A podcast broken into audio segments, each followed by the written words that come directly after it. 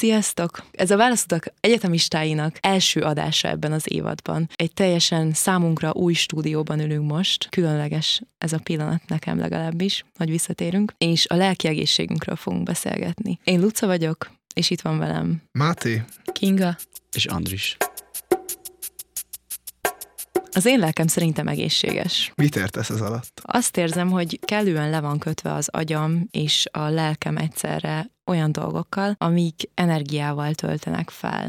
És ha hirtelen rengeteg szabadidőd lenne, akkor sem szakadna rád semmi, és akkor sem éreznéd azt, hogy nincs minden rendben. Szerintem nekem nagyon jót tesz az, hogy most elkezdődik az iskola, és rengeteg feladatom van, mert ezzel lekötöm magamat. Őszinte leszek, én nagyon-nagyon irigykedem rád, hogy te ennyire kimered jelenteni azt, hogy te lelkileg egészséges vagy. Én talán pont most merem azt kijelenteni, hogy most arra ismertem be azt, hogy én lelkileg nem vagyok egészséges, és egy kicsit talán azt is elkezdtem kezdtem belátni, hogy nem feltétlenül kell ezt nekem titkolnom. És ezt, ezt igazán meg lehet osztani valakivel, és igazán meg lehet osztani akár egy szakemberrel is, mert azt gondolom, hogy talán ebben a szüleink generációja kicsit nehezebb helyzetben van, mert amikor velük beszélgettem, akkor azt kaptam visszajelzésnek, hogy, hogy egy szakemberhez fordulni csak akkor szükséges, hogyha ténylegesen olyan problémám van, ami csak szakember által megoldható. Egyre inkább kezdek rájönni arra, hogy ez nem feltétlenül van így. Szerintem az egy nagyon fontos első lépés, hogy már beismered magadnak és ha te úgy érzed, hogy szükséged van arra, hogy valakivel megbeszéld a problémáidat, ez tényleg fontos, hogy tudjuk, hogy ez nem gyengeség, hanem az ember egy társas lény, és egyszerűen nem lehetséges az, hogy valakinek ne legyenek problémái, illetve hogy magába folytsa az összes problémáját, mert egy idő után biztos, hogy ki fog törni belőle, hogy nem bírja tovább. És lehet, hogy ezt csak magamból kiindulva mondom, minden ember más, de én tudom magamról, hogy nekem egyszerűen muszáj a barátaimmal, a szüleimmel, a testvéreimmel megbeszélni azt, hogy mi az, ami engem bánt, vagy mi az, ami nekem most nehéz az életemben. És abban is teljesen igazad van, Kinga, hogy, hogy a szüleink, pláne nagyszüleink generációjában a terápiának a fontossága az teljesen más helyen helyezkedett el, teljesen más a tudásuk erről, és sokakban rögzült az, hogy a beteg emberek mennek pszichológushoz, pedig hát ez nem igaz. Hogy egyszer hallottam egy hasonlatot arra, hogy pszichológushoz járni az olyan, mint amikor egy nő elmegy fodrászhoz. Nem feltétlenül kell fodrászhoz járni, mert magad is le tudod vágni a hajadat. Viszont mégiscsak jó érzés az, amikor kilibbensz a fodrászatból, és olyan csinosnak és, és tökéletesnek érzed magad? Kicsit én, én túlságosan elválasztottam a problémáimat, és um, voltak a, azok a problémáim, amik családdal kapcsolatosak, voltak azok a problémáim, amik iskolával kapcsolatosak, voltak azok a problémáim, amik a hobbiaimmal kapcsolatosak, és ezeket külön emberekkel beszéltem meg. Nektek van olyan ember, akinek minden fajta problémát el tudtok mondani, és teljes mértékben őszinték tudtak vele lenni? Engem szerintem a világon a legjobban kettő ember ismer, ők a két hugom, és szerintem a legjobb barátnőimet is megelőzik ők ketten a hugaim. Nincsen az életemnek tényleg olyan szegmense, amit ne tudnék megbeszélni. És ez fordítva is igaz. És ez egyébként egy hatalmas nagy könnyebbség, hogy tudom azt, hogy bármi történik velem, van olyan ember az életemben, akit azonnal felhívhatok, és azonnal megosztatom vele, hogyha úgy érzem, hogy szükségem van rá. Illetve, ha nincs rá szükségem, akkor is előbb-utóbb kiszedik belőlem, szóval tulajdonképpen mindegy. Nekem ez az ember a barátnőm, mert most fejlődött ki a párkapcsolatunkban az, hogy már a párkapcsolatban is annyira őszinték vagyunk egymással, hogy igazából tényleg bármit megoszthatunk. És még olyan dolgokat is, amik, amik tudjuk, hogy problémát fognak okozni egy ideig, de valahogy ezt már megtanultuk kezelni az évek során. Én járok egy éve pszichológushoz, és ez alatt az idő alatt már kialakult köztünk egy olyan kommunikáció, egy olyan összhang, hogy azt érzem, hogy tényleg bármit elmondhatok neki, ami fontos, és tud erre egy olyan külső szemszöget adni, meg olyan eszközöket a kezemben, amik által magamtól is akár megküzdhetek az adott dologgal. Illetve Andishoz kapcsolódva, nekem kicsit frissebben, több mint három év után újra párkapcsolatba léptem, ez egy nagyon friss dolog, de megvan már az a fajta őszinteség, mindennaposság, szókimondás és egymásra hangoltság köztünk, amit te most Andis említettél, ami miatt nagyon szokatlan módon, de a személyes életemben, vagy hát a szeretteim között is most van egy olyan ember, akivel tényleg mindent megoszthatok, és nagyon-nagyon szokatlan az, hogy pont amióta én elköltöztem otthonról, tulajdonképpen azóta vagyok szingli, és hogy most valaki belépett ebbe a privát életembe, és ebbe az egyedül töltött életembe, és ez nem azt jelenti, hogy mindig együtt vagyunk, hanem hogy most van valaki, aki arról is hall, aki arról is tud mindent, hogy milyen, milyen nekem egyedül lenni, vagy mi az, amit egyedül csinálok, mert vannak csodálatos barátaim, de hogy természetes módon senkivel nincs meg az a fajta folyamatosság, az a fajta minden nap mindenről beszélünk, kommunikációs forma, ami most a Micivel, a barátnőmmel igen, és ez egy, ez egy szokatlan, de nagyon izgalmas és élvezetes helyzet. Pont ugyanezt érzem, mint te, csak a, pont abban különbözünk, hogy én nem mentem el pszichológushoz valamiért. És így furcsa volt bevallani önmagamnak, hogy én két-három éven keresztül magamat gyógyítottam, meg magammal foglalkoztam. Szóval az évek során most volt először az, hogy így bevallottam magamnak azt, hogy szeretnék mással is, és egy tényleg egy külső emberrel, akire kivetíthetem azokat az érzelmeket. Szóval nagyon ironikus számomra, hogy pont én voltam az egyetlen egy ember, aki nem vette észre, hogy szüksége lenne amúgy pszichológusra, és most úgy érzem, hogy eljött az a pillanat az életemben, hogy én is fogok keresni magamnak egyet. De ez nem jelenti azt, hogy én rosszul vagyok, szerintem most egy ilyen átmeneti állapotban van a mentális egészségem. Nekem rengeteget szokott segíteni az édesanyámmal való beszélgetés, aki pszichológus, és ezért egyfelől nyilván az édesanyám tehát nagyon-nagyon jól ismer engem, másfelől viszont szakmai szempontból is látja a dolgokat, és próbál úgy segíteni nekem, hogy az a lehető leghasznosabb legyen, és a lehető legjobb. Viszont a másik dolog, ami, ami engem nagyon-nagyon szokott segíteni, Andrissal mi egy iskolába jártunk gimnáziumba, ez egy egyházi iskola volt, és nekem nagyon fontos részévé vált az ott töltött idő alatt az életemnek a hit és a, a jó Istenben való bizalom. És az az érdekes, hogy, hogy nekem ez a másik pillére a lelki egészségemnek. Amikor azt érzem, hogy nagyon-nagyon távol vagyok az Istentől, akkor érzem, hogy a lelkem egyszerűen nincs jól. És pont most vasárnap éreztem azt, hogy nagyon hosszú hónapok óta először megint elmentem templomba, és azt éreztem, hogy ez kellett, ez kellett a lelkemnek. Én is azt érzem, hogy a, a hitem meg az Isten kapcsolatom hogyha élő, és hogyha foglalkozom vele, akkor az sokat hozzá tud tenni ahhoz, hogy hogyan érzem magam. Amit nagyon nehéz volt összehangolnom, hogy a pszichológus és az Isten hogyan fér meg egymás mellett, és ezért azt értem, hogy annyira más irányból közelítem meg a saját élményeimet, a saját érzéseimet, amikor imádkozom meg, amikor a pszichológussal beszélek nagyon őszintén, nagyon a problémára fókuszálva az életemről, de abból, hogy nekem van egy mélyhívő pszichiáter anyukám, abból már azért láttam mindig is azt, hogy ez a kettő nem hogy megfér egymás mellett, hanem hitbéli közösségem is maximálisan támogatja azt, hogy az ember ne csak azzal próbálja meg magán segíteni, hogy beszélget emberekkel, beszélget a barátaival az Istenről, és beszélget Istennel saját magáról, hanem hogy, hogy nyugodtan foglalkozhatunk teljesen világi módon és a saját mentális egészségünkkel. Ehhez kapcsolódóan, vagy ennek megfelelően én például a terápiák során nagyon keveset szoktam bármilyen módon a hitemet belevinni ebbe. Tényleg arról beszélek, ami történik velem, amilyenek az emberi kapcsolataim, és ezeket kezel kezeljük együtt. Én egy nagyon vallásos családban nőttem fel, és nálam talán ez segített leginkább abban, hogy ez az önmagamra figyelés kialakuljon. Kiskoromban nagyon sokszor hallottam azt, hogy Isten úgy is tudja minden egyes gondolatodat, és egy idő után nem akartam magam előtt ezeket a gondolatokat pont emiatt rejtegetni, és ezért kialakult bennem egy olyan őszinteség önmagammal, ami szerintem most is iszonyatosan fontos abban, hogy, hogy a mentális egészségem működjön. A mentális jólétnek alappillére az, hogy őszinte vagy magaddal, és hogy feldolgozod azt, ami valójában történik veled? Andris, még amit korábban említettél, hogy ironikusan te lettél pont az az ember, aki sok mindent ilyen módon akár rejtegetett saját maga elől, vagy mások elől. Én emlékszem, hogy kiskoromtól kezdve, hogy ezt anyától megtanultam, mondtam sokaknak azt, hogy beszéljenek az érzéseikről, hogy ne folytsák el magukban, hogy ne nyomjanak el magukban semmi olyat, ami fontos, ami akár feszíti őket, vagy ami bántja őket, mert az ki tud törni később egy nagyon rossz formában. És én meg szintén ironikusan, szintén ebbe a csapdába, vagy ebbe a helyzetbe kerültem bele. Szerintem életemben először, még a tavalyi év során jött el egy pont, ahol rájöttem arra, hogy mennyi elfolytás van bennem, és már korábban is el akartam menni pszichológushoz, de ott, ott meg tudtam tenni ehhez a legfontosabb lépést, és rájöttem arra is, hogy nekem bármiféle elfolytás magamban, tehát a lelki problémának az egyetlen egy igazán rossz kezelése az az volt, annak az volt az alapja, hogy mennyire átmentem konfliktus kerülő emberbe, ahhoz képest, hogy mennyire hirtelen haragú, meg lobbanékony voltam mondjuk az egész gimi alatt. Utána a békéért a másokkal való békért mi mindent megtettem, és mi mindent belül rendeztem el, akár rosszul is, ez vezetett ide. Azt hogy akartam mondani nektek, hogy én azért javaslok a pszichológuson kívül bármilyen segítséget. Tehát, amit Kinga is mondott, hogy tök jó, hogy van egy ismerőse, akivel tud így beszélgetni, és nem kell, hogy feltétlen egy pszichológus diplomával rendelkező ember legyen, bár ezt tudom reklámozni, biztosan nagyon jó, és csak ők segítenek. Szóval szerintem az nagyon fontos észrevenni, hogy nem csak a pszichológusok, hanem rengeteg más segítő szakma is várja az embereket, és próbál segítséget nyújtani. És milyen érdekes, hogy azt mondtad, Luca, hogy neked egyszer anyukád, az anyukád és pszichológus, neked ez segítséget nyújt, és nincs mondjuk meg az, hogy, hogy szakmai ártalomból, vagy csak azért, mert egyszer a lánya is vagy, meg ő közben egy szakember, emiatt mondjuk nem úgy reagál ezekre, ahogyan azt te szeretnéd. Mivel ez egy viszonylag új, az elmúlt tíz évhez kapcsolódó szakma az ő életében, ezért még nem itatta át az egész életét, hogy mindent csak így lát. Gondolom anyukád, nem tudom, 25 éves kora óta ezt csinálja, tehát a fél élete már szakmai ártalommal tele van. És nálatok ez hogy működik? Anyukát keres téged, vagy te keresed anyukádat? Én keresem édesanyámat, mert az elmúlt, tulajdonképpen 2023-ban én nem nagyon voltam Magyarországon, és ez azt indukálta nálam, hogy felértékelődtek azok a kapcsolataim, amik itthon vannak. És ebbe az édesanyám is nagyon-nagyon határozottan beletartozik.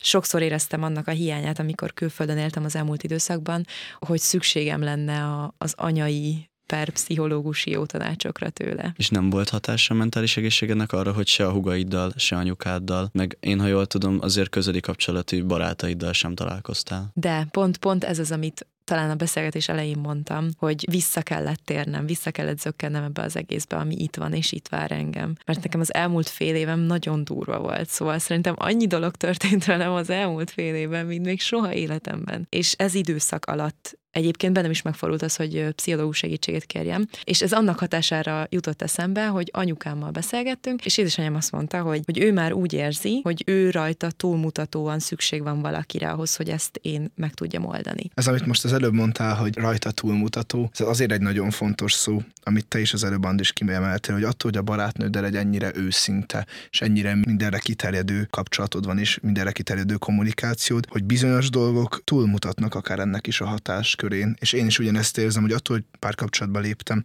ahol tényleg már most egy olyan kommunikáció van köztünk, azt érzem, hogy teljes biztonságban, teljes harmóniában vagyunk. Tudom azt, hogy bizonyos dolgok nem az ő felelőssége, és akár olyan szempontból nem is a sajátom, hogy egy terápiás keretben tudom olyan módon feldolgozni, egy terápiás keretben tudok olyan plusz eszközöket kapni a kezemben, amikre szükségem van. Ebben teljesen egyetértek veled, Máté, hogy mindenkinek szüksége van pszichológusra. Viszont nem tudom, tapasztaltátok-e már azt a jelenséget, amikor titeket kezelnek pszichológusként. Persze, Andris, ez talán kevés kevésbé vonatkozik majd, mert remélhetőleg téged annak aként fognak kezelni. De amikor valakit a barátai, vagy esetleg haverjai pszichológusként kezelnek, szerintem annál kevés rosszabb dolog van. Én azért nem értek ezzel egyet, mert fontos az, hogy az ember tudja arról, hogy melyikek azok a barátai, akik akár szakmailag is jobban értenek ez a témához, és akik másfajta segítséget is tudnak adni. Ha te tudod úgy kezelni, hogy félrerakod és nem veszed magadra, akkor ezzel nincsen baj. De például én nekem nagyon sok idő kellett, hogy rájöjjek arra, hogy én túlságos túlságosan magamra veszem ezeket, és tovább gondolom, és, és őrlődök egy másik ember problémájám, és azzal, hogy nekem nagyon sok barátom volt ilyen, aki nagyon szeretettel és teljesen úgy, hogy én azt mondtam, hogy ez teljesen okés, mindent megosztott velem. És ezzel nem volt tényleg semmi baj, egészen addig, amíg én ezt el tudtam engedni. És attól a ponttól kezdve, amikor én nem tudtam ezt elengedni, és én, én ezen tovább őrlődtem, attól a ponttól kezdve vált szerintem ez, ez egészségtelenni, és nekem pont ezért van a széttagozódás, amiről az elején beszéltem, hogy én nekem megvan, hogy melyik témában melyik emberrel tudok beszélgetni. És pont ez a nyár volt nekem egy olyan fordulópont, hogy rájöttem arra, hogy például a, aki legközelebb áll hozzám, a legjobb barátnőm, ő neki igenis nem csak azt tudom elmondani, amit most én a magánéletemben élek meg, hanem igenis, a, amit én a tanulás kapcsán élek meg, nehézségeket, azokat is el tudom neki mondani, mert ő tényleg így teljes mértékben szeretné látni a, a gondjaimat, és van olyan ember, akinek ezt el lehet mondani, csak nem feltétlenül kell mindenkitől mindenkitől ezt meghallgatni, és nem feltétlenül kell mindenkinek a lelki szemetes ládájává válni. A saját korábbi tapasztalataid miatt tagoltad ennyire szét azt, hogy kivel mit osztasz meg, mert nem akartad azt, hogy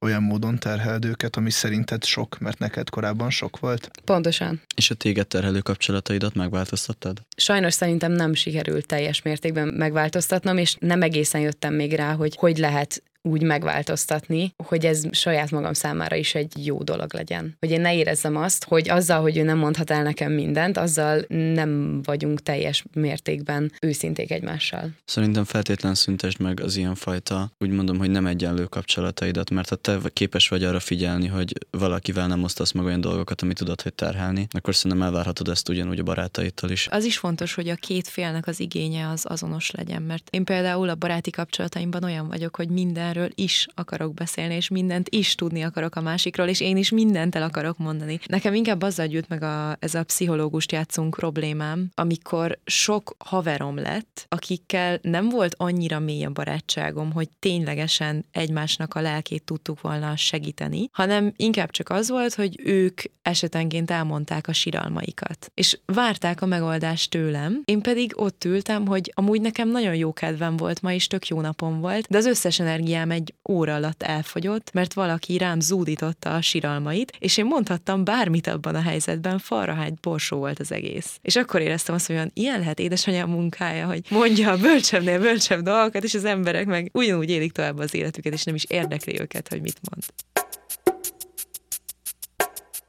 Nagyon-nagyon fontos kihangsúlyozni azt, hogy a mentális egészség az nem olyan, mint egy edzés. Mármint, hogy nem úgy van, hogy minél többet teszel érte, annál inkább boldogabb leszel. Mert szerintem nagyon sokan félreértik azt, hogy a mentális egészség, szerintem a mentális egészség a feldolgozás rugalmassága. És ennek nagyon nagy része szerintem a negatív dolgok, a negatív érzelmek, azoknak az elfogadása. És nagyon sok helyről hallom azt, hogy az emberek arra törekednek, hogy boldogabbak legyenek. Elmegyek pszichológushoz, hogy jobban érezzem magam. De amúgy szerintem nem ez a cél. A cél az, hogy elfogad elfogad a negatív érzelmeket, és utána pedig megtanuld azokat úgy kezelni, hogy amikor újból találkozol velük, akkor ne kizökkentsenek, hanem pont, hogy megerősítsenek abban, ami kialakulhat, ez az erős öntudatod. Ezzel én nem teljesen értek egyet, mert az embernek a célja, szerintem, ami miatt a Földön van, az az, hogy boldog élete legyen. Legalábbis nekem mindenképpen az a célom, hogy boldog legyek. És azt gondolom, hogy minél inkább teszek azért, hogy boldog legyek, annál inkább könnyebben érem el azt, hogy boldog legyek. Az, ha valaki mentálisan egészséges, az nem egyenlő azzal, hogy mindig boldog, hanem azt jelenti, hogy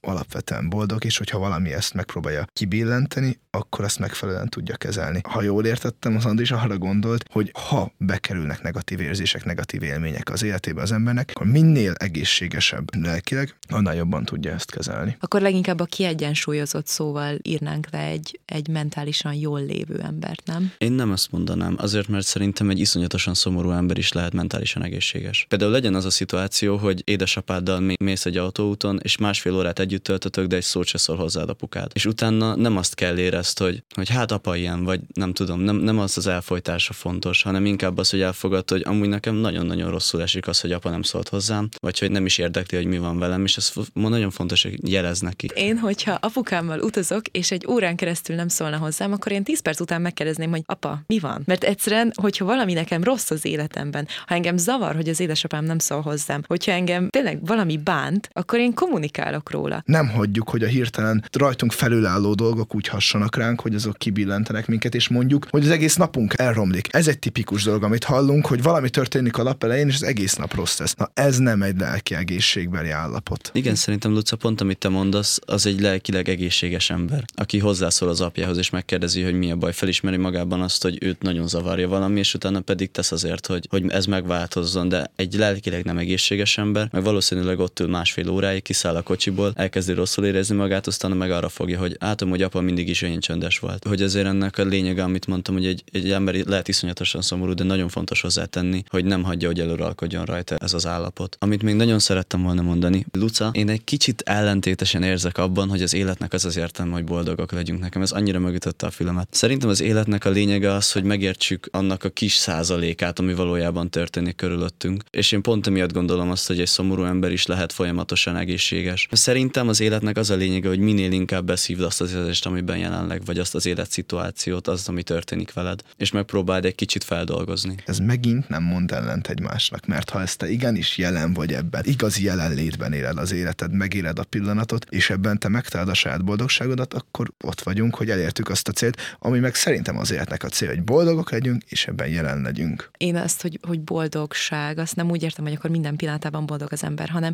a boldogság az csak néha van ott az ember életében, és olyankor, amikor megtapasztalja azt, hogy mi a boldogság ellentétje, mert addig, amíg azt nem tapasztalja meg, addig igazából azt se tudja, hogy mikor igazán felhőtlenül boldog. Egy nagyon érdekes jelenséget figyeltem meg most, amikor ö, hazaérkeztem. Most, amikor legutóbb hazaköltöztem, akkor megfigyeltem azt, hogy felszállok a villamosra, és az emberek úgy néznek maguk elé, mintha valami temetésre mennének, vagy legalábbis valami nagyon szomorú helyre készülnének. És én általában reggel, ha jó idő van, akkor mosolygós kedvemben vagyok, és valahányszor felszállok a metróra vagy a villamosra, és mosolygok az emberekre, akkor az emberek azt hiszik, hogy én hülye vagyok. Ez az, amit én, én nem tudok hova tenni. Egy nemzeti kérdés is, mert Olaszországban, amikor utaztam a buszon, egymást nem ismerő emberek láttam, hogy felszállnak, pont leülnek egymás mellé, vagy átengedik egymást valahol, elkezdenek beszélgetni, és a végén úgy köszönnek el mindketten, hogy ciao. Mindketten tudják, hogy nem fognak egymással soha többé találkozni, de van egy olyan jó kis mediterrán hangulatuk és mediterrán személyiségük, ami amúgy szerencsére azért nekem is megvan,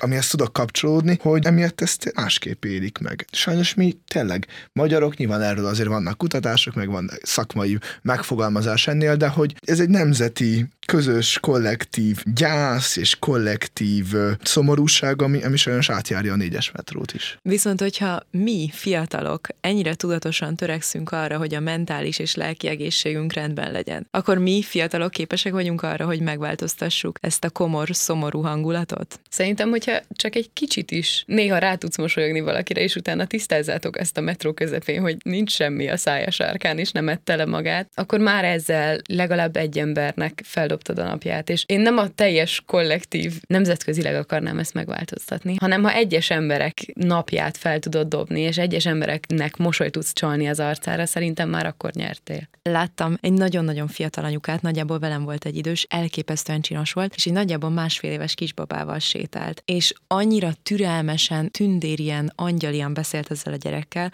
hogy az fogalmazódott meg bennem, hogy ha én anya leszek, akkor én ilyen anya akarok lenni, aki ennyire türelmes a gyermekével. És a buszon ültünk, a csaj előtt ült a férje, és a lány mellett pedig ült a kisfia. És én pedig mögöttük ültem. És amikor ez megfogalmazódott bennem, én olyan vagyok, hogy mindenkinek, akiről azt gondolom, hogy szép, vagy meglátom aznap, hogy mennyire aranyos a mosolya, vagy hogy mennyire tetszik, ahogy viselkedett, vagy valamilyen gesztusa tetszett, oda megyek hozzá, és megmondom neki, hogy figyelj, ez elképesztő volt, amit csináltál. És akkor is ezt tettem, hogy megszólítottam ezt a fiatal lányt, és mondtam neki, hogy elképesztően csodálatos anya vagy, és a lány elsírta magát a buszon. Elkezdett zokogni, magához ölelte a kisfiát, és a férje pedig hátrafordult, kicsit agresszívan, hogy mit mondott, mit mondott. Ugye én mit mondtam a feleségének, amit elkezdett sírni. A felesége pedig csak annyit mondott, hogy, hogy majd elmondom, de egyszerűen csak nem hiszem el. És aztán rám nézett, és azt mondta, hogy köszönöm szépen. És a következő megállónál leszálltak. De pont ez, amit Kinga te is mondtál, hogy ezek annyira fontos dolgok, hogy amikor látsz egy ilyet, akkor megerősítsd, és mondd neki, hogy ez elképesztő, amit csinálsz. Mert ettől mindenkinek jobb lesz. Ez volt a válaszotok. Köszönjük, hogy hallgattatok minket. Ma a lelki egészségről beszélgettünk. Én Máté vagyok, és itt volt velem Kinga, Andris és Luca. Kövessetek minket Instagramon és Facebookon, valamint hallgassátok az adásainkat Spotify-on és az Apple Podcast-on.